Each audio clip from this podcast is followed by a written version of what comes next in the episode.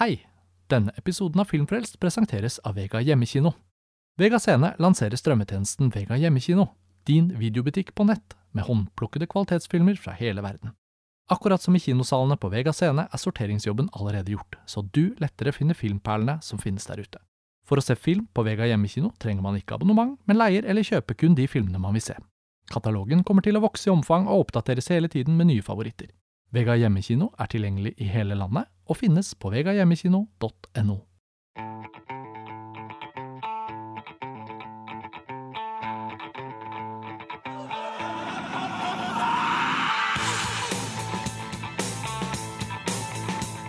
Hei og velkommen til en ny episode av Filmfrelst, podkasten fra filmtidsskriftet montasj.no. Mitt navn er Karsten Meinick, og i dag skal vi snakke om den amerikansk-kinesiske regissøren Chloé Zhao. Hennes nyeste film Nomadland er i disse dager kinoaktuell i Norge, og er storfavoritt i årets Oscar-race. Filmen skal også slippes på strømmetjenesten Disney pluss i slutten av april, og i den anledning så har vi bestemt oss for å sette et fokus på Chloé Zhao som filmskaper, og alle hennes tre filmer. Det inkluderer da de to foregående før Nomadland. Og til å snakke om disse tre filmene samlet, så har jeg med meg et uh, veldig fint panel her i denne episoden. Uh, jeg vil først ønske velkommen Chloé Faulkner tilbake på Filmfrelst. Takk for at du er med igjen. Tusen takk. Hyggelig å ha deg med. Du representerer jo da Filmklubbforbundet, hvor du jobber. Og vårt tredje panelmedlem er da professor i filmvitenskap Anne Gjelsvik fra NTNU. Anne, velkommen til Filmfrelst. Tusen takk skal du ha. Du har jo bidratt med tekster til spalten Analysen på montasje i flere år, men dette er jo faktisk din første opptreden her på podkasten vår, så da må jeg jo litt sånn formelt og offisielt ønske deg velkommen til det. Veldig flott at du har mulighet til å være med. Ja, det var jo en hyggelig anledning å bli bedt, da. Ja, for jeg føler jo at vi alle tre deler en entusiasme for det Chloé Zhao jobber med som filmskaper, og hva filmene hennes uttrykker, og hvordan de er laget. Og det er egentlig filmer som bare dør etter å bli snakket om, føler jeg. Og at det er litt sånn, man blir litt sånn klar for det, fordi de inviterer til så mye gjennom hvordan de er laget, og hvordan de uttrykker seg med filmspråket. Så jeg vi har jo snakket litt om at det kunne være greit å kanskje starte kort litt med Nomadland, fordi sikkert mange av lytterne er klar over den filmen. Kanskje mange har vært og sett den på kino nå allerede. Og så på en måte kanskje hoppe litt kronologisk tilbake og snakke om både Songs My Brothers Taught Me og The Rider. Hennes to første spillefilmer. Og Anne, hvis jeg kan starte med deg, Nomadland.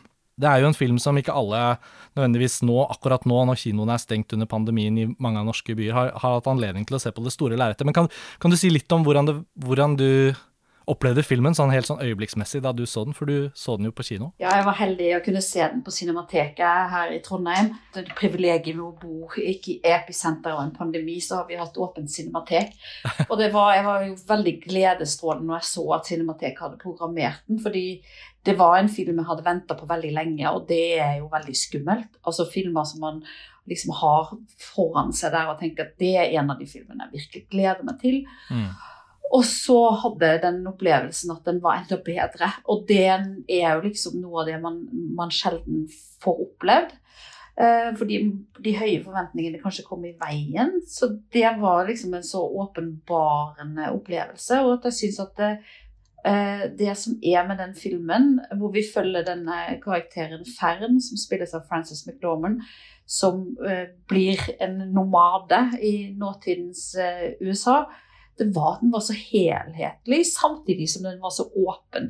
Så den ga meg en sånn Å, jeg liker, jeg liker den, jeg liker den. Og så hadde jeg uh, den her opplevelsen også av at mm, hva er det egentlig som gjør at jeg liker den?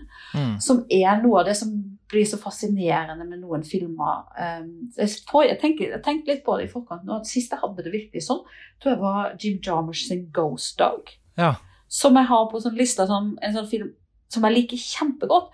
Men jeg klarer ikke umiddelbart å si hvorfor. Og sånn er det litt med Nomadland, for å bare åpne der. Ja, ja. Det syns jeg jeg kan kjenne meg igjen i, den opplevelsen du, du beskriver der. Og, um, og Chloé, både du og jeg bor jo da på steder hvor uh, pandemien har sørget for at offentlig åpne kinovisninger i hvert fall ikke utspiller seg i disse dager. Men heldigvis så klarte vi å få til to pressevisninger, da. En her i Fredrikstad, hvor jeg bor, og en i Oslo, hvor du holder til. Så vi fikk jo sett den på det store lerretet, vi også. Hvordan eh, vil du beskrive din, din opplevelse? Det var jo også for meg en film som jeg hadde på blokka, og som jeg gledet meg veldig til å se. Um, og det er jeg enig med Anna at det kan være litt skummelt, men samtidig så med sånne filmer så prøver jeg som regel å ikke lese så, meg, så veldig mye om den, eller liksom ikke forholde meg til så veldig mye av diskursen rundt den, selv om det har vært veldig mye buzz, da. Så når det var uh, mulig å få sett den på stort lerret, så ble jeg selvfølgelig veldig glad for det.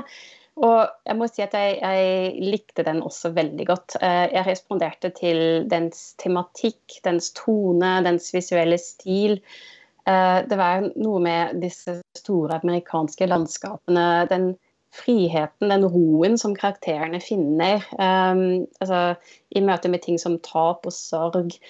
Og sånn ja, altså det, det, var, eh, det, var, også en sånn veldig sånn positiv og vil jeg si også sånn, nesten litt sånn sterk litt sånn emosjonell opplevelse. Det er veldig sånn sterke øyeblikk i filmen som jeg ble skikkelig rørt av. Ja, jeg hadde det også på den måten at uh, jeg tror kanskje filmens natur var kanskje det som overrasket meg mest, ikke nødvendigvis kvaliteten. For jeg hadde jo, som vi har snakket om nå, at man får forventninger. Man ser Filmen vant jo Gulløven i Venezia i fjor, ikke sant, og så er det alle disse eh, omtalene den får inn, i, inn, mot lansering i USA og sånn. Og så, så er det likevel noe med at den kvaliteten filmen faktisk hadde, hele dens vesen, på en måte, var for meg også da fortryllende å da oppleve sånn på det store lerretet. Selvfølgelig var det litt sånn ensomt og rart å se den i en tom kinosal, da. men det, det, det var egentlig litt poetisk, det òg, at filmens mange åpne landskaper, da, og tidvis ganske eh, mange scener hvor hovedpersonen, som Frances McDormand spiller, eh, er alene. Hun er ikke nødvendigvis alltid så trist og liksom sørgmodig. Hun, hun nyter jo noe av den ensomheten, det kan vi sikkert snakke mer om etter hvert som vi går inn på filmen, men det responderte merkelig nok også veldig til noe av den stemningen jeg føler vi mange har kommet inn i gjennom pandemien. At uh, dette er et år hvor vi virkelig får liksom en sånn rar nullstilling av mange av de tingene vi har tatt for gitt, og hvordan det er å omgis med mennesker og nærkontakt med andre, og hjem og landskap. Og det er noe med dette året vi har levd gjennom og fortsatt er i, som på en eller annen merkelig måte også i hvert fall jeg syns ble reflektert i, i, den filmen. Så det var, det var, en sånn veldig spesiell kinoopplevelse. Så hadde jeg jo ikke da vært på kino siden november, tror jeg. Sånn at det var jo en av de lengre periodene uten kinoopplevelser. Før november så fikk jeg sett Tennet på pressevisning da i juli, var det vel. Så eh, det er jo veldig veldig mye rart som liksom også er rammeverket rundt det å se Nomadland. Og det gjelder jo også for lytterne våre og publikum generelt, at i den tiden vi er i nå, våren 2021, så vil jo de kinoene som er åpne, også representere en litt sånn eksklusiv følelse av å kunne ta del i noe offentlig. og i Oslo, hvor kinoene har vært stengt helt siden november, så vil jo den dagen de åpner igjen, bli en form for hyllest, får vi håpe, av kinomediet. Og da tenker jeg bare på at Nomadland er jo en helt ypperlig film da, for det formålet. Det har jo ikke så mye med hva filmen handler om å gjøre, nødvendigvis, men det handlet litt om min opplevelse, og sånn som dere også nettopp beskrev det. Vi kan snakke da litt grann også om denne filmskaperen av Chloé Zhao. Jeg måtte slå opp hvordan man uttaler navnet hennes. Hun er jo da opprinnelig fra Kina, men uh, flyttet uh, som 15-åring på skole i England, har jeg lest meg opp til, og har etter hvert tilbrakt så mange år av livet sitt at hun har jo på mange måter også blitt en amerikaner. Og eh, hun har interessert seg i veldig stor grad for det amerikanske landskapet, og alle tre filmene portretterer jo livet i pakt med naturen og egentlig en slags sånn neo-western-aktig approach som er fascinerende at kommer fra henne som filmskaper. Og det er jo bare nok et, nok et eksempel på at uh, en nysgjerrighet på en viss type fortelling, en viss type tematikk, kan komme fra hvilken som helst type filmskaper. Så jeg syns det har vært litt fascinerende å spole litt tilbake nå og se litt på de to foregående filmene hennes, før vi da kanskje kommer tilbake til Nomadland etter hvert. Og Anne, jeg vet at du hadde jo et forhold til denne forrige filmen hennes, The Rider, som var en sånn festivalfavoritt som ikke fikk sånn bred kinodistribusjon i Norge, og kanskje ikke ble så kjent som en film, kanskje, men jeg tror de av oss som så den, øh, ble merket av den, kan man si det sånn. Hva slags filmskaper opplevde du at hun var gjennom bare den filmen, da du ikke hadde sett noe annet av henne? Ja, jeg tenker at jeg er varig-merka av The Rider, og jeg tror på mange mm. måter at den filmen Altså, den kommer til å være med meg som min inngang til Joe her. og og, men når jeg, har sett de, den foregående og den, etter, den, som kom etterpå, så ser jeg jo at det er en helhet her. Men The Rider handler altså om en um, en rytter. En spill, uh, i, I den filmen så benytter hun seg veldig gjennomgående av ikke-skuespillere som spiller roller som ligger veldig, veldig nære livet deres. Eh, sånn er det jo også i Mm. Nomadland, men der er det jo også profesjonelle skuespillere. Så vi følger en ung rodeo-rytter ved navn Brady som opplever en, en ødeleggende eller en skadende ulykke som gjør at han får en hodeskade, som gjør det at det blir vanskelig for han å ri. Og han er også veldig dyktig på å, å temme ville hester. Eh, og den følger da livet i, eh, i et reservat i Dakota, hvor eh, han bor sammen med sin far og en autistisk lillesøster. Og for meg var den filmen så dypt berørende, og den hadde en sånn autentisitet i forhold til det livet som den familien lever. Og også i forhold til liksom, det vi vet om på en måte Dakota-landskapet og rytterne og cowboykultur, så snudde den det også på hodet, fordi her er det indianerne som er cowboyer. Eh, så den, den ga meg en sånn eh, noe som jeg syns ligger igjen i, i arbeidet hennes totalt sett. Noe sånn veldig spesifikt. Akkurat sånn er det. Veldig autentisk der i det landskapet for disse menneskene. Samtidig som det bærer med seg noe sånn universelt, som, som jo god film gjør. Så på den ene Mm. siden veldig allment, og så veldig spesifikt. Og, og, og hvis jeg skulle si et sånt stikkord som jeg tenker på her, så er det sårbarhet. Altså menneskelig sårbarhet, som traff meg så utrolig sterkt med The Rider. Mm. Eh, og som jeg syns jeg ser i de andre filmene hennes også. Ja, og, og i den første filmen, eh, Chloé, den eh, Songs My Brothers Taught Me, den er jo faktisk nå også eh, i digital distribusjon hos strømmetjenesten Mubi, så den er jo også mulig å se, men har lenge vært eh, utilgjengelig. Men, men som hennes debutfilm så var jo det et form for gjennombrudd i den forstand at filmen ble jo både vist i Sundance-festivalen og i Directors Fortnight i, i Cannes i 2015, var det vel. Hvordan syns du den filmen eh, speiles i de andre hun har laget senere? Ja, det var, for meg så var det den første Chloé Zhao-filmen som jeg fikk sett. Jeg så den før Nomadland. Mm. Og det var, jeg likte den da jeg så den, selv om den på en måte ikke hadde den umiddelbare emosjonelle slagkraften som Nomadland. Men eh, i ettertid så har den virkelig fortsatt å vokse inn i meg, og jeg har vendt tilbake til den i tankene veldig ofte.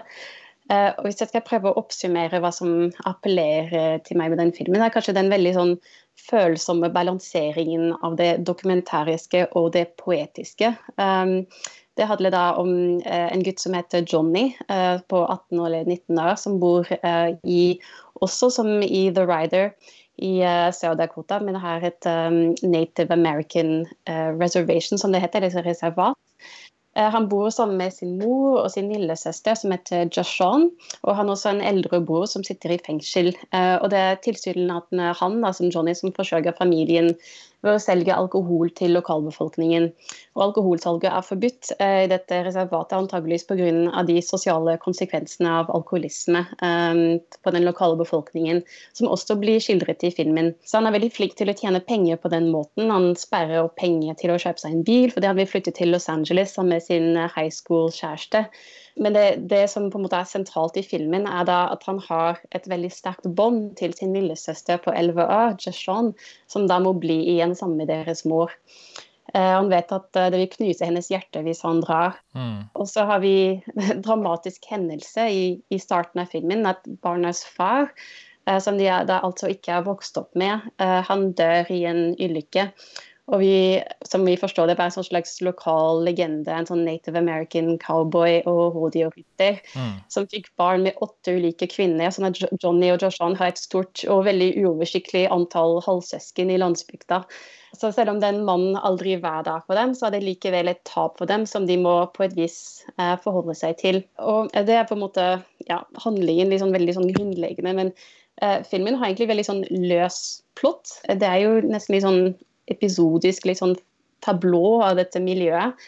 Og jeg synes det var en sånn utrolig befriende type film.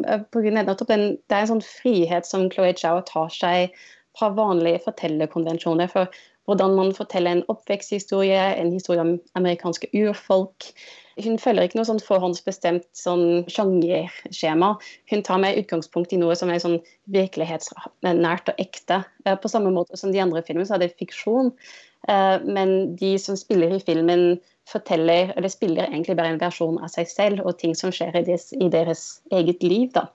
Så det som, ja, så blir veldig sånn poetisk og respektfullt. da. Ja, for det møtepunktet der er veldig spennende eh, mellom det å ha egentlig en ganske sånn klar narrativ motor som, som ligger og jobber på en måte under, men at jeg i hvert fall opplever at vi ser på Chloé Jaws filmer og føler at vi at de lever nesten sånn fritt, på en måte. At de utspiller seg med en sånn luftighet som gjør at vi på en måte heller ikke helt kan forutse hvor det som er av narrativ, er på vei. Fordi hun løsriver det med en form for poesi, men den blir heller ikke så I hvert fall syns ikke jeg den blir så hva kan man si da, svevende eller liksom selvopptatt. At, mm. Fordi det er jo en felle mange går i som er litt sånn overdrevent opptatt av et poetisk filmspråk, så kan det liksom spise seg selv opp litt. Og ingen av disse tre filmene syns jeg det blir tilfellet, da. Eh, tvert imot føler jeg at hun inviterer oss egentlig å bli veldig nysgjerrig på veldig eh, sånn humant nivå. da, at Disse menneskene som som man merker at de ikke har sånn klassisk trent skuespillerbakgrunn. De, de fremtrer akkurat nok tydelig hele tiden til at vi bli bedre og bedre kjent med dem, men de blir aldri så overtydelige, som, som ofte kan være fellende i et narrativ. Da, at du, liksom, du, får sånne faste mekanismer, og så skjønner man jo egentlig hvor det er på vei. Og den finstilte balansen syns jeg egentlig er ganske godt på plass allerede i debutfilmen. Da, at den, den, den, første filmen bærer ikke så mye preg av en ny filmskaper som tester ut ting og kanskje prøver å feile litt. Uh, tvert imot så virker det som om noe av formspråket er veldig på plass. Da. Og nå som vi har sett de to andre filmene og kan se se den utviklingen Jijao i, i, en sammenheng, så, så, er det egentlig mye av det som er så bra med Nomadland, f.eks., ser man allerede i den første filmen. Ja, eh, og, det med 'Songs My Brothers Taught Me', um, som jeg syns er litt spennende, det er litt sånn de forventningene som hun skaper rundt den hovedpersonen, som um, er en ung mann, og som vi vet eh, fra hver eneste film som vi gode ganger har sett, tar unge menn som regel ganske dårlige valg. ikke sant? Eh, de er små kriminelle, voldelige og impulsive, og det går ikke så bra, eller de må få seg en eller annen lærepenge. Uh, og, og, her så har vi alle ingrediensene til en sånn fortelling. Altså, uh, Johnny har den der små kriminelle aktiviteten uh, med selge, salg av alkohol. Mm. han er i konflikt med en annen kriminell gjeng. Han er en bokser, så vi vet at han er god til å slåss. Vi ser at han ikke har noe mot å drikke alkohol selv. Og det er til og med en liten scene der vi ser at han klarer å håndtere skytevåpen. Og så er det sånn, dette vennskapet eller muligens flørt med en ung dame som ikke er hans egen kjæreste, men kjæresten til dealeren. Så her har vi oppskriften til en katastrofe. Men, men så gang på gang Det som var så flott, er at um, disse, når vi tror at det når en sånn slags sånn knutepunkt eller dreining i fortellingen, der en av disse elementene ser ut til å utvikle seg til en skikkelig konflikt, så løses alle spenningene opp der og da, og så klippes det bare sånn elegant videre. Mm. Så vi skjønner etter hvert at alle disse små spenningsmomentene eller, eh, er avsporinger, eller kanskje avledningsmanøvre, som der filmens egentlige dreiningspunkt, der den henter sin emosjonelle og fortellermessige drivkraft, det er, det er i dette båndet mellom Johnny og Jashan. Og der filmen blir mer en sånn fortelling om deres forsøk på å lære å være i verden på, eh, enten med eller uten hverandre. Ja, jeg tenker også at det er, det er, jo et eller annet med hvordan hun på en måte spiller opp mot våre forventninger. Det tenker jeg gjelder alle tre filmene. At hun liksom inviterer oss til å tro at å, nå kommer det til å skje, og så går hun ikke dit. Og noe av det som jeg syns har vært sånn fascinerende, tenker både denne filmen som Chloé snakker om nå, og The Rider, som på en eller annen måte forholder seg til det, til det mytiske westernlandskapet og westernsjangerne.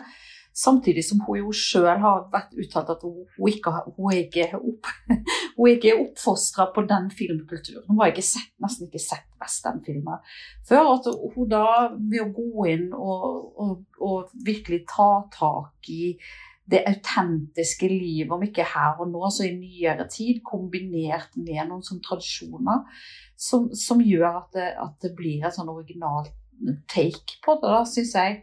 Men når det er sagt, så syns jeg også at det, det, er jo det menneskelige hun ønsker å utforske, og det gjennomgår, er gjennomgående i alle tre filmene.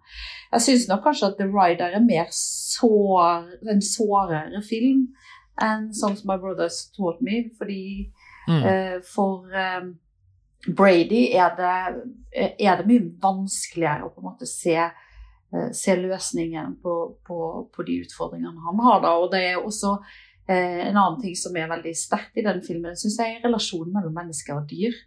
Eh, og det er, når det gjelder hvor, viktig hesten er i westernfilmer, f.eks., så syns jeg jo det her er virkelig en av de filmene hvor den relasjonen mellom menneske og hest i et sånt landskap eh, virkelig blir sterkt. Altså hvor avhengig man er av hverandre, og hva man tenker på er et menneskets verdi versus hva er dyrenes verdi. Så den eh, satte i gang veldig mange prosesser hos meg knytta til hva skjer hvis en, en hest blir skada, hva skjer hvis et menneske blir skada, hva, hva, er liksom verdien av et menneske og er verdien av et dyr. Det er veldig sånne eh, store ting som filmene setter i gang med, men samtidig som de er veldig sånn hverdagslige og realistiske fortellinger om hvordan det er å, å, å leve i et litt utsatt samfunn.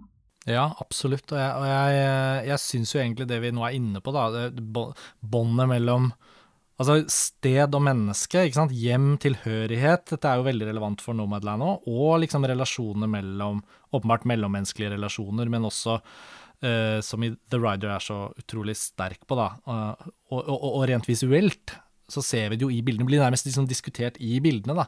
Denne kraft, liksom kraften i hesten og relasjonen, kontrollen, det at han rir, skaden Altså, det, det er så mange sånne komplekse, egentlig, men også sånn urtemaer, ur da, som er store. Og, og Jao selv har snakket f.eks. om at en filmskaper som Terence Malick har vært ganske inspirerende for henne, men tidvis føler jeg også at det er et ganske sånt essensielt juv mellom de to, i den forstand at Malik er jo ofte veldig på en måte Ja, det fins jo en form for religiøs han ser mot himmelen på en eller annen merkelig måte, da, og måten filmene hans er laget på, uh, setter opp en annen type poesi. Og det litt sånn jordnære og håndfaste og, og, mer på en måte, hva kan man si, sekulært naturpoetiske over Giles filmer, gjør at jeg føler at ikke den sammenligningen alltid er så relevant. Da jeg ser det nevnt her og der når, når folk skriver om, um, om Nomadland også. Uh, kanskje fordi hun har jo snakket veldig mye om sitt forhold til Malik og The New World hos Criterion Collection, så er det en sånn liten videosnutt hvor Jao snakker om, om den filmens uh, innflytelse på henne. Men det er likevel veldig fascinerende for meg at formen for poesi som hun anvender, kan ofte bli beskrevet som en litt sånn svevende og eller opplagt poesi, da, hvis man skal trekke inn noe av det som en og annen kritisk stemme har nevnt. At det kan være litt sånn Hvis du putter en hest og noe strå foran kamera, så er du på en måte i gang med, med westernpoesien likevel. Men det blir så lettvint, og det er jo ikke riktig heller. Og særlig føler jeg at Nomadland viser oss hvordan det filmspråket Jawa har jobbet med i de to foregående filmene, får en helt sånn mytisk, som du var inne på nå, Anna. Altså det, det, det, tegnes opp fortellinger om et helt land på en måte som aldri går opp i sånn tredje oktav, da. Hun holder det hele tiden eh, nede. og det de tre filmene blir enda mer sånn mettet og rikere desto mer jeg både tenker på dem i sammenheng med hverandre, men også hvor sjelden egentlig vi får fortellinger om det moderne amerikanske samfunnet fra dette perspektivet. Jeg syns ikke det er så lett å finne sammenlignbare filmer fra ja, de 10-15 siste årene. Da. Jeg er helt enig, og jeg tenker hvis at uh, du tar Altså, det er jo noe i, i hennes framstilling av Eh, rom og landskap, hvor du kan se en sånn Terence Malick-inspirasjon. altså Hun liker veldig godt solnedgangen. altså Den der siste timen den siste timen før sola går ned. Uh, så mm. du har liksom de, de, elementene der, men samtidig så har du hva vi kan kalle en sånn at mennesket eksisterer jo i en sosial og økonomisk betingelser som hun er veldig mye mer opptatt av enn Terence Malick. da, som, som, gir en, sånn kombinasjon som blir veldig god. Og jeg, jeg, tenker sett her fra Norge så oppleves dette som eh, aktuelle tidsbilder av et USA i dag. Da. Nå vet jeg også at hun har altså Det kan vi jo komme tilbake til og få litt sånn kritikk for det. At det kanskje jo ikke går At hun ikke er eh, politisk nok eller at det ikke er sosialkritisk nok, eller sånn. Men jeg syns at det er noen sånne Altså noe om den sosiale virkeligheten som kommer gjennom i filmene hennes, som jeg setter veldig stor pris på. Mm. Som er ikke-mytisk. Som er her og nå. Ja, Nei, jeg, er veldig enig med det, det dere sier. Uh, altså jeg, jeg, blir på en måte sitte igjen etter uh, disse filmene med sånne bilder av uh, store, åpne vidder, sånne canyons, måten himmelen alltid er belyst på en sånn vakker måte. Men det er også litt sånn nattscener med rundt et bål der det er mennesker som sitter og snakker sammen, og gnistene blåses vekk av vinden. I uh, Songs My Brothers Taught Me så har jeg sånn samtaler blant de unge om hvorvidt alkoholsalget bør tillates, eller det triste blikket i de voksnes øyne. Altså, det er den der kombinasjonen da, av det veldig sånn konkrete og levde, balansert, men den er veldig følsomheten og sånn uh, respektfull måte hun tilnærmer seg uh, sitt, sitt, tema på. da. Mm. Så det blir ja, som er litt mer sånn dokumentarisk og jordnær Terence Malick, hvis man vil. ja. og så er det jo denne tredje filmen, da, 'Nomadland', hvor det store skille, hvis man skal snakke om et skille her, er jo eh, involveringen da fra Frances McDormand, to ganger Oscar-vinnende skuespiller. Jeg vil kanskje ikke kalle henne en typisk sånn glamorøs filmstjerne, for hun er altfor kul og jordnær og, og, tøff til å bare kunne bli beskrevet på den måten, men hun er jo liksom en av de best likte og mest anerkjente skuespillerne i sin generasjon eh, blant amerikanske skuespillere. Og hun har alltid vist en nysgjerrighet for å jobbe på forskjellige plan, både indie-filmer og studiofilmer. Hun dukket vel opp i en Transformers-film også, hvis ikke jeg husker feil. Jeg håper hun kjøpte seg en fin hytte eller et eller annet for det. Men her har hun altså eh, Historien går slik at eh, Frances McDormand var på filmfestivalen i Toronto, snek seg vekk fra det hun egentlig skulle gjøre der, og gikk og så The Rider og så tok hun kontakt. Og så har liksom Jao og Frances McDormand samarbeidet. Nomadland er jo også øh, faktisk adaptert fra en roman. Så det er jo på en måte flere elementer her som kunne si at ok, hvis Nomadland øh, lages på denne måten, så kanskje det ikke blir helt sånn som Jaos foregående filmer. Og så ble det jo på ingen måte slik. Men det er også virkelig fascinerende å se da hvordan møtepunktet mellom en filmskaper som i så stor grad har utviklet seg i samarbeid med på en måte i hermetegn ekte mennesker som, som gestalter rollefigurer i et fiksjonsunivers, og så jobbe med Frances McDormand, og likevel på en eller annen merkelig måte ende opp med å få til det samme. I hvert fall er min opplevelse det at den integrasjonen av en profesjonell på en måte skuespiller da, og hva rollefiguren hvem hun er, og, og, hvor hun skal, og hva hun gjør, med McDormands da, egenskaper og, eh, og, vilje til å bare gå fullstendig inn i det, har hatt en utrolig vellykket effekt. For da, da kan også Jao holde på sitt. Det er som om McDormand på en eller annen måte forløser noe, men også lar alt det eksisterende være bevart. Og, og så dukker jo han David Strattern, er det det han heter? Han dukket også opp her i Nomadland og for de fleste er jo han også et kjent fjes, kanskje ikke like berømt som Frances McDormand, men med de to, da, så er det jo selvfølgelig noen forskjeller her fra de foregående filmene, men for meg i hvert fall så var det egentlig ikke noe av det som endte opp med å bryte med den enhetlige følelsen av de tre filmene som veldig sånn Altså Den fjerde filmen hennes, som er en Marvel-film, kan vi snakke om helt til slutt, at det er det som har vært hennes fjerde, nett, blir hennes neste film. Men disse tre her hører i hvert fall veldig sammen. Da. Men opplevde dere at det var noen sånne brudd her som, som kom i veien for eh, opplevelsen av Nomadland? Nei, jeg vet ikke om jeg syns det. Jeg så godt uh Altså, i, i Nomadland så følger vi jo Fern som forlater et, uh, byen hun bodde i, Nevada, hvor alt blir Industrien legges ned, og hun er enke og reiser og reise, reise, ut på, på, på, veien i denne vanen som hun har bygd om til, til, å bo i.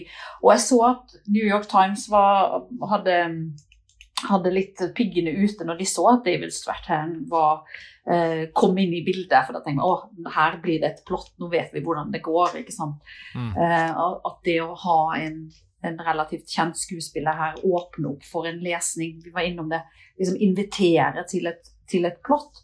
Men uh, for ikke spoile det, så kan vi jo si at Nomadland ikke går inn i noen sånn enkel løsning på menneskelige relasjoner, eller hvordan det skal gå med mennesker som møtes på veien her. Mm. Så jeg opplevde vel akkurat at hun klarer å beholde noe av denne følelsen av autentisitet som jeg syns er så sterk i de to første.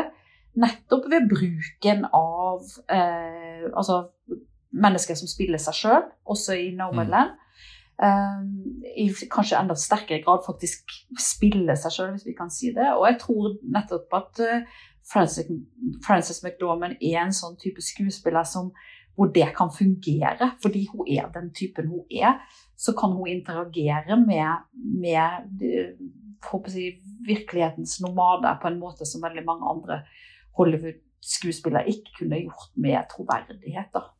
Nå har vi jo nevnt uh, litt underveis her hva Nomadland faktisk handler om. Og om ikke det var så mye som manglet ut fra hva vi har sagt, så tenker jeg bare at jeg har lyst til å skyte inn at filmen er jo virkelig en roadmovie i ordets rette forstand. Ikke bare føler jeg at filmen har en sånn bevegelse som er veldig sånn organisk forankret i, i, hva rollefiguren hele tiden skal, men den føles jo også utrolig godt strukturert og komponert som en helhetlig fortelling. Da. Vi var jo litt inne på liksom balansen mellom narrativ og liksom poesi, en slags nesten dokumentarisk fortellerstil og sånn, men, men, noe annet som jeg syns var så vanvittig fint med Nomadland, og som jeg ikke visste om filmen, jeg har ikke tenkt å kanskje avsløre det ordrett her, men å følge reisen hun er på og tro litt at ok, nå blir det sånn. Og da filmen var ferdig, så innså jeg hvor mye av på en måte den tanken rundt hva den fortellingen skulle være, som lå der hele tiden. Og, og da rulleteksten til slutt kom, så kjente jeg meg også veldig sånn beveget av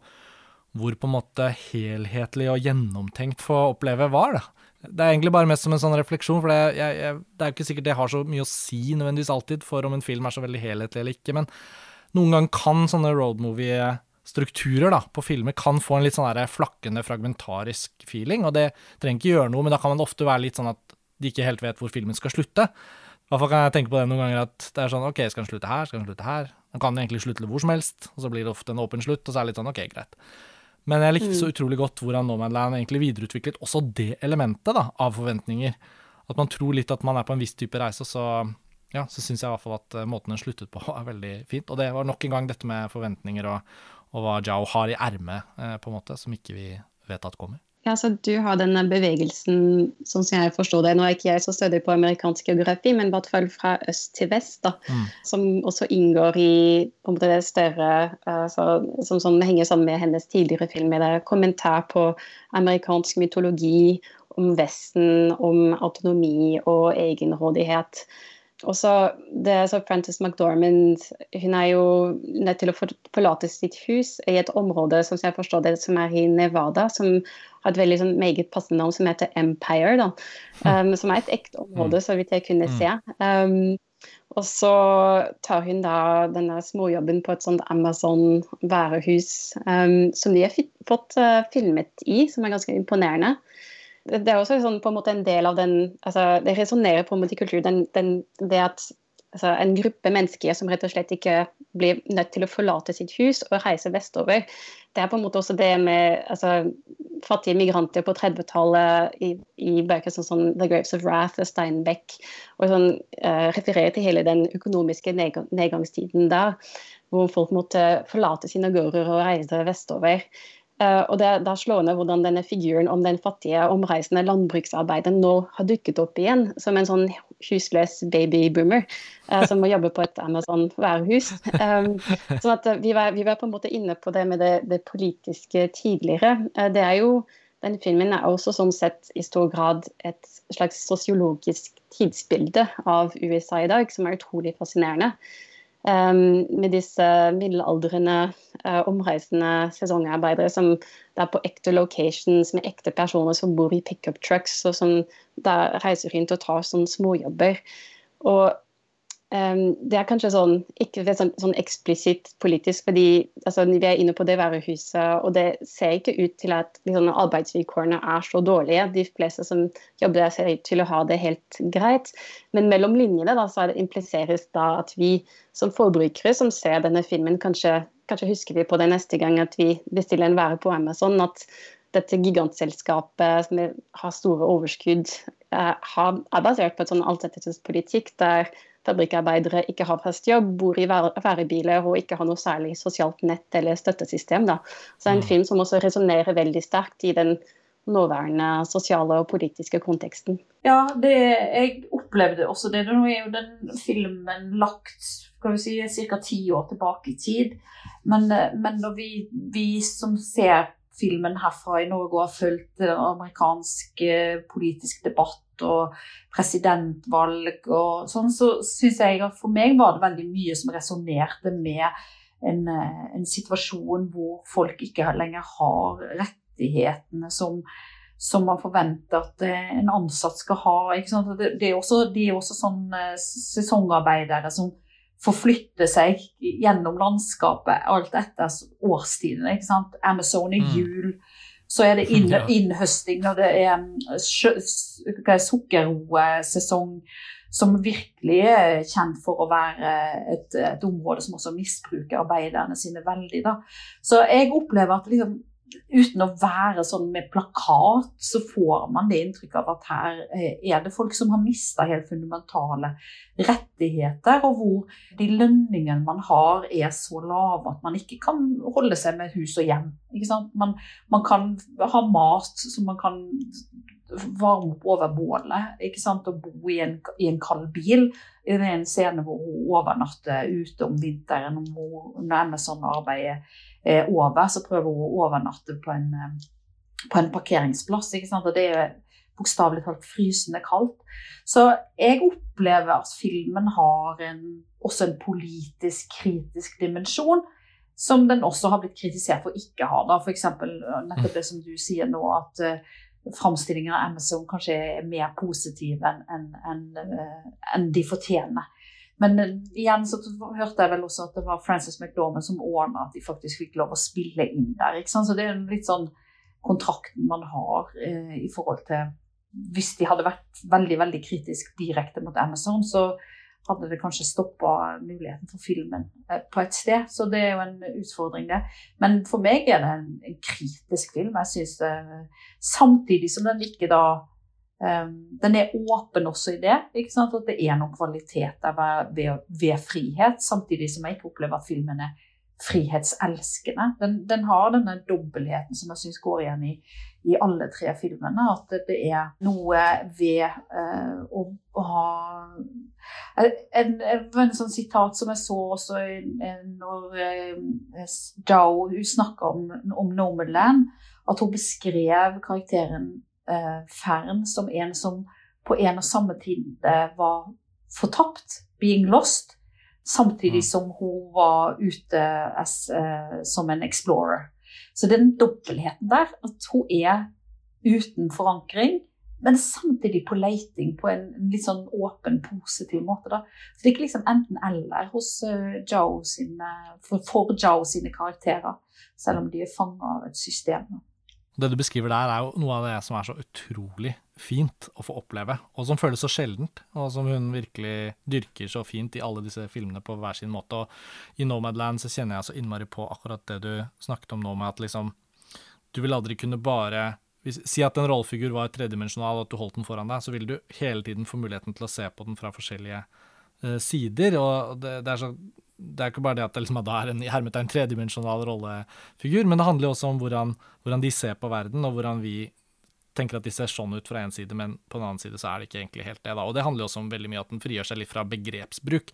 At du kan ikke si at liksom det handler om en hjemløs dame. Hun, det blir jo sagt i filmen også at uh, hun er jo ikke hjemløs, fordi hun har på en måte hjemmet sitt med seg. Jeg husker ikke ordrett hva det er som blir sagt i den replikken, men det er noe veldig sånn fint og sterkt over at det ikke er en typisk sånn lidelsesberetning. da.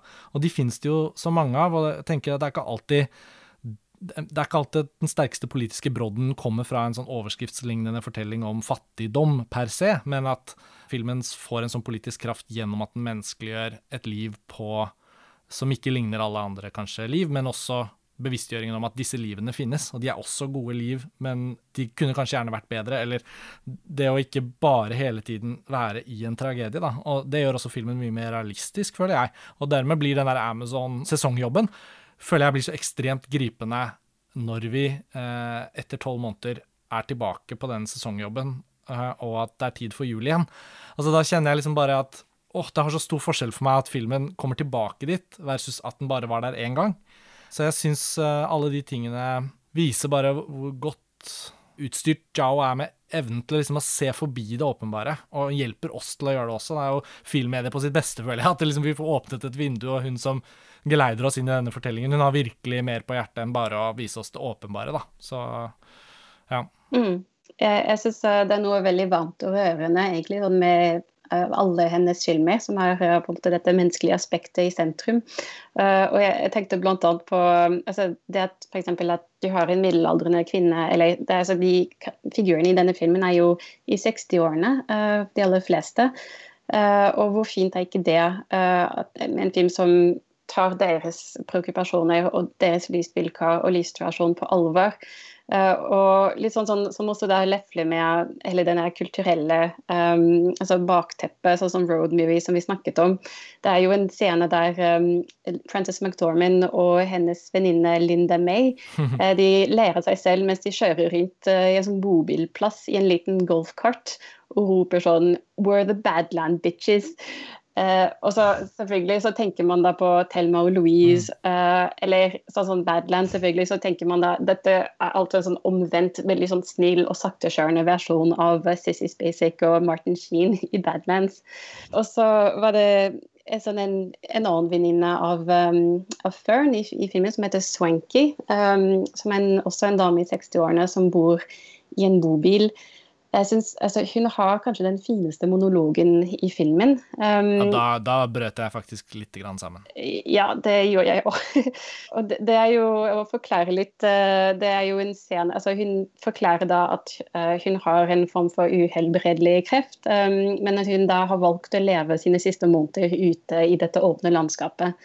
Og så beskriver hun et naturlandskap som hun har sett, uh, og som hun ønsker å dra tilbake til før hun dør med fugler som flyr ned fra en klippe uh, på et særlig ja, utrolig flott sted. Så, jeg, jeg vet, Det blir kanskje litt søkt, men jeg kunne ikke la være å tenke på Rutger Hauer uh, og mm. hans monolog i Blade Runner. Den der 'I've seen things you people wouldn't believe'. At dette var på en måte også en sånn omvendt versjon av den. Uh, fordi her er det ikke en robot som forteller om romskip som eksploderer, men en helt ekte person. Eh, en dame som har opplevd noe helt vakkert her på jorda og forsont seg med sin egen sykdom, med egen dødelighet. Um, og, og det, det, er kanskje litt sentimentalt, men det er sånne scener som er representative for filmens veldig sånn bankende, humanistiske hjerte. Mm. Ja, hva skal man si? Jeg satt også og tenkte på den scenen, og jeg tenker også at det er noe altså, Hvis vi skulle summere opp hva filmene hennes handler om, så handler det om menneskelig eksistens og hva det er som gir verdi til et, til et, menneskelig liv. Og i det bildet så tror jeg at dette vi snakker om også med landskapet hennes og nærheten til, til altså Alle menneskene hennes har stor glede av å være ute i landskapet. Eh, enten sammen med dyr eller alene. ikke sant? Vi ser det også med Johnny i 'Songs My Brother Taught Me' altså, det må være ute i naturen, det må være ute i landskapet.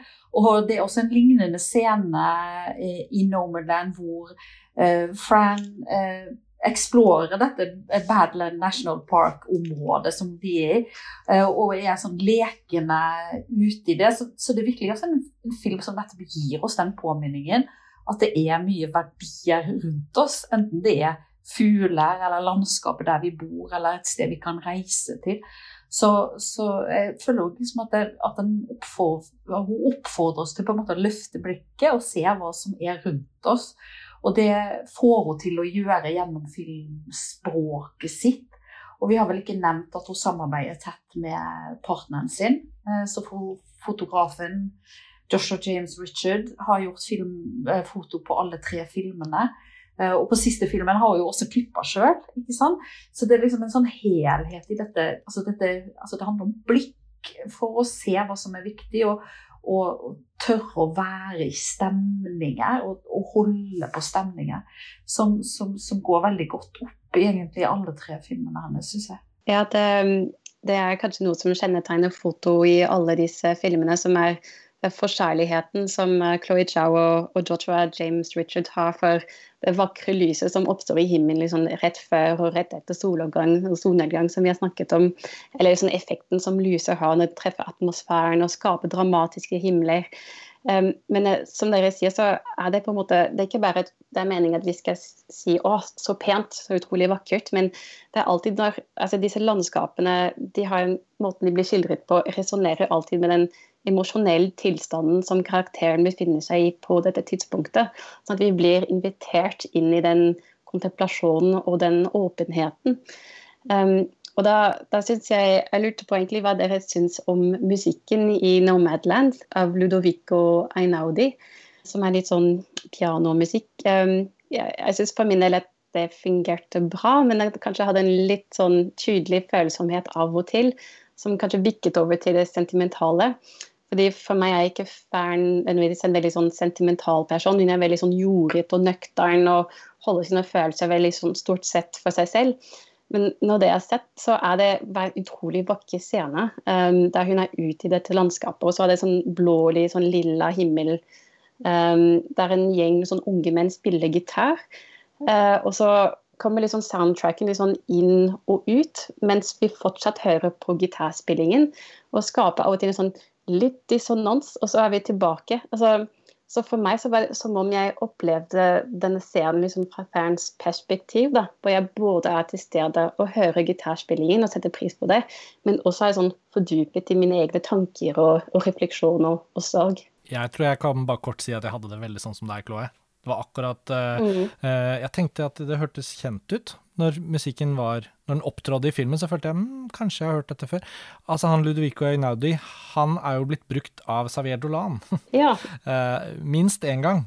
Og det er også noen steder i Dolans filmer hvor han gjør det. Noen ganger er det diagetisk, andre ganger ikke diagetisk. To ganger oppå hverandre. Det, det, glir inn og ut. Så jeg, da det inntraff som et grep i Nomadland dette var ikke, Jeg tenkte ikke på Xavier Dolan da, altså, men i etterkant så slo det meg at uh, det er samme komponist som, som, han har brukt. Og han har jo utgitt musikken uavhengig av film, så det er litt interessant at han, han ser ut til å lage musikk som egner seg for film, men ikke som en bestilt komponist til en spesifikk eh, film. Da. Jeg likte, det, jeg likte det godt. Ja, jeg syns. Men det, ikke, det, er ikke blant de tingene som liksom står ut som liksom, Hvis jeg skulle løfte fram de sidene ved Nomadland Land som jeg likte best, så tror jeg ikke liksom, musikken er veldig, veldig høyt oppe. Jeg, jeg merker meg jo, jeg har en liten favoritt. Det er jo en, eh, en, en, eh, en som heter Cat Clifford, som er med i alle tre filmene som, eh, som gir ut litt uh, singer-songwriter-musikk. Jeg var litt svak for den låten som han hadde der. Jeg husker ikke hva den het i farten. Ja. Så han har jeg merka meg. Han er med i alle tre. jeg har ikke lykkes å bli noen stor, stor filmskuespiller eller artist. Jeg var faktisk innom og sjekka Instagram-kontoen hans, og han driver med jakt og rodeo og indiansk håndverk. Så det, det var også en sånn Eh, det der universet som har fanga eh, Joe veldig i Dakota. Han er rotfast der ennå. Mm. Og fra å da lage tre filmer i The Chloé Zhao Cinematic Universe, så beveger hun seg jo nå i sin fjerde film over til Marvel Cinematic Universe. Så hvis vi skal oppsummere nå mot slutten av episoden, så syns jeg jo det er litt rørende og interessant da, å, å se på hvor Zhao nå står. Hun er jo megafavoritt til å vinne Oscar. Uh, hun har nominert i fire forskjellige kategorier. Både beste manus, uh, adapterte manus, beste klipp, beste regi og som produsent av filmen på beste film. Og det er jo meget sannsynlig at filmen får flesteparten av de Oscarene, så det er jo et enormt gjennombrudd og en stor anerkjennelse. Og rett etter innspillingen av Nomadland så dro Chloé Zhao opp til Disney og startet preproduksjonen på megategneserieblockbusteren Eternals, som hun selv hadde liksom satt ut ordet om at hun var interessert i. Og dette så jeg da i et intervju hun gjorde med Barry Jenkins, regissøren av Moonlight, som har gjort en sånn Q&A med Chloé Zhao nå i Oscar-season. da, og Det var en veldig fin samtale. Den ligger på YouTube, så jeg kan bare anbefale. Men der sier hun jo at dere må huske at jeg vokste opp i Beijing, liksom, og hadde ikke tilgang på all den typen film som dere har vokst opp med på samme måten, men det jeg elsket, var japanske mangategneserier, og det var liksom ingenting annet hun hun var sånn megadedikert til det og hadde liksom bokhyller fulle og satt og prøvde å tegne egne mangaer og lyktes dårlig med det. Så ble det jo etter hvert sånn at hun ble filmskaper, da. Så hun sa at hun har vært veldig opptatt av sånne eh, worldbuilding-konsepter, da, og at hun egentlig gjør jo det litt i disse filmene vi nå har snakket om, men at selvfølgelig å jobbe med det på et sånt, uh, i et sånt tegneserieunivers egentlig lå henne ganske nært. da. Så det er jo litt gøy å tenke på at når hun da omtales som en sånn indie-regissør som nå plutselig skal gjøre en film for Marvel og Disney, så er det jo egentlig da noe som ikke faller så langt fra stammen for hennes del. da. Så det blir veldig fascinerende å se hva slags film det er. Og det er, hvis ting går som det skal med vaksinering og gjenåpning og sånn, så ser det ut til at de beholder den premieredatoen i i høst da, for denne Eternals. Så det jo Det fortsetter å være et Chloé Zhao-år til slutten av 2021, får vi, får vi si. Sånn avslutningsvis, er det noe dere har lyst til å, å si, da, eller spå, når det kommer til Oscar-utdelingen? Hva tror dere? Jeg, jeg, det er så mye buzz eh, rundt eh, Nomadland, og det er en film som får veldig mye kjærlighet eh, av de som har sett den. Jeg, også, jeg holder også en sånn knapp på den kanskje er det en sånn, blir det sånn type sånn moonlight-situasjon der uh, den liksom kan bryte gjennom men, um, på beste film. Men um, nå har jeg ikke helt oversikt over hvor mange kategorier den er uh, nominert i. Men det er også beste regi. Uh, sånn at ja, jeg ville veddet noen penger på at hun stikker av med en statuett fra, fra den ene og den andre kategorien. Altså. Ja, det tror jeg også. Samtidig som jeg, liksom, jeg fikk litt, nesten litt sånn sjokk her på en periode hvor jeg opplevde at det var litt sånn eh, backlash mot henne på film-Twitter. Altså det liksom begynte å bli inn og snakke ned Nomadland, som jo kanskje skjer når ting har blitt snakka opp lenge nok. Så må man begynne å snakke ting litt ned igjen. da. Mm. Så jeg tror at eh, jeg tror at det blir en suksess på Oscar. Jeg gruer meg til Turnos. jeg håper ikke at det liksom blir veien hennes videre. Jeg håper at, eh, at den, liksom det, det, feltet av filmer, den type vi trenger som regissør som kan gå inn og, og, at, og i hvert fall altså, Hun kan få lov å lage én superheltfilm, men hun kan komme tilbake til oss og lage filmer som handler om autentiske mennesker i, i, virkelig, i, en virkelig verden. Det håper jeg mm. at det er. Og så vil jeg til sist si også at jeg føler at jeg kunne ønske at folk kunne ha gleden av å oppdage oppdage disse filmene uten å vite altfor mye om dem. Så det er liksom dobbelthet i forhold til å sitte og snakke masse om disse filmene.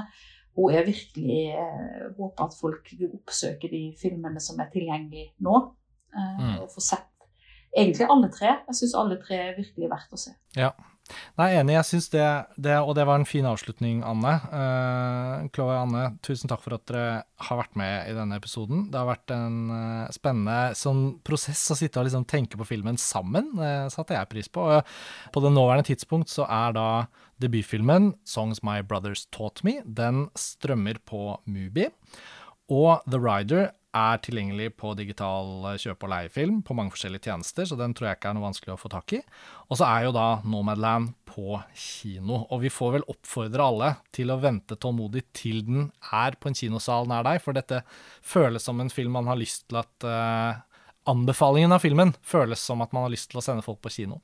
Når det er sagt, så har jo da distributøren Fox Searchlight er jo da eid av Disney, så de har bestemt at Nomadland vil bli sluppet rett på Disney pluss helt til slutten av april. Så Oscar-utdelingen er jo er det 26. april, så tror jeg uh, Nomadland kommer noen dager senere. Det er naturligvis en markedsbeslutning, så man forstår jo det. Men um, som kinosjefene vi hadde som gjester her for noen episoder siden snakket om, så ønsker jo de å holde Nomadland på kino så lenge som mulig, selv om den også kommer på strømming. Da. Så vi får uh, håpe at dette betyr at alle som hører på nå, ser at det er veldig mange muligheter til å se alle de tre filmene Chloé Zhao har laget, og som vi nå har snakket om. Anne, jeg håper ikke dette da blir eh, første og eneste gang du er gjest på Filmfrelst. Jeg gleder meg til å invitere deg tilbake igjen snart. Vi har jo en liten plan i, på trappene, og uten å avsløre hva det er, så tror jeg og håper jeg at det kan bli en veldig spennende episode. Så jeg håper vi får til det litt senere på våren. Og Chloé, Takk for at du var tilbake igjen, og at ikke du har blitt lei av å være med på Filmfrelst ennå. Det, det, er veldig stas å ha deg med. Og håper dere også i Filmklubbforbundet nå snart kan sende ut gledelige beskjeder om at ting gjenåpnes også til alle deres medlemmer. Tusen takk, Karsten. Det var gøy å være med. Så får vi krysse fingrene. Takk det samme. Takk for samtalen. Ha det bra, dere.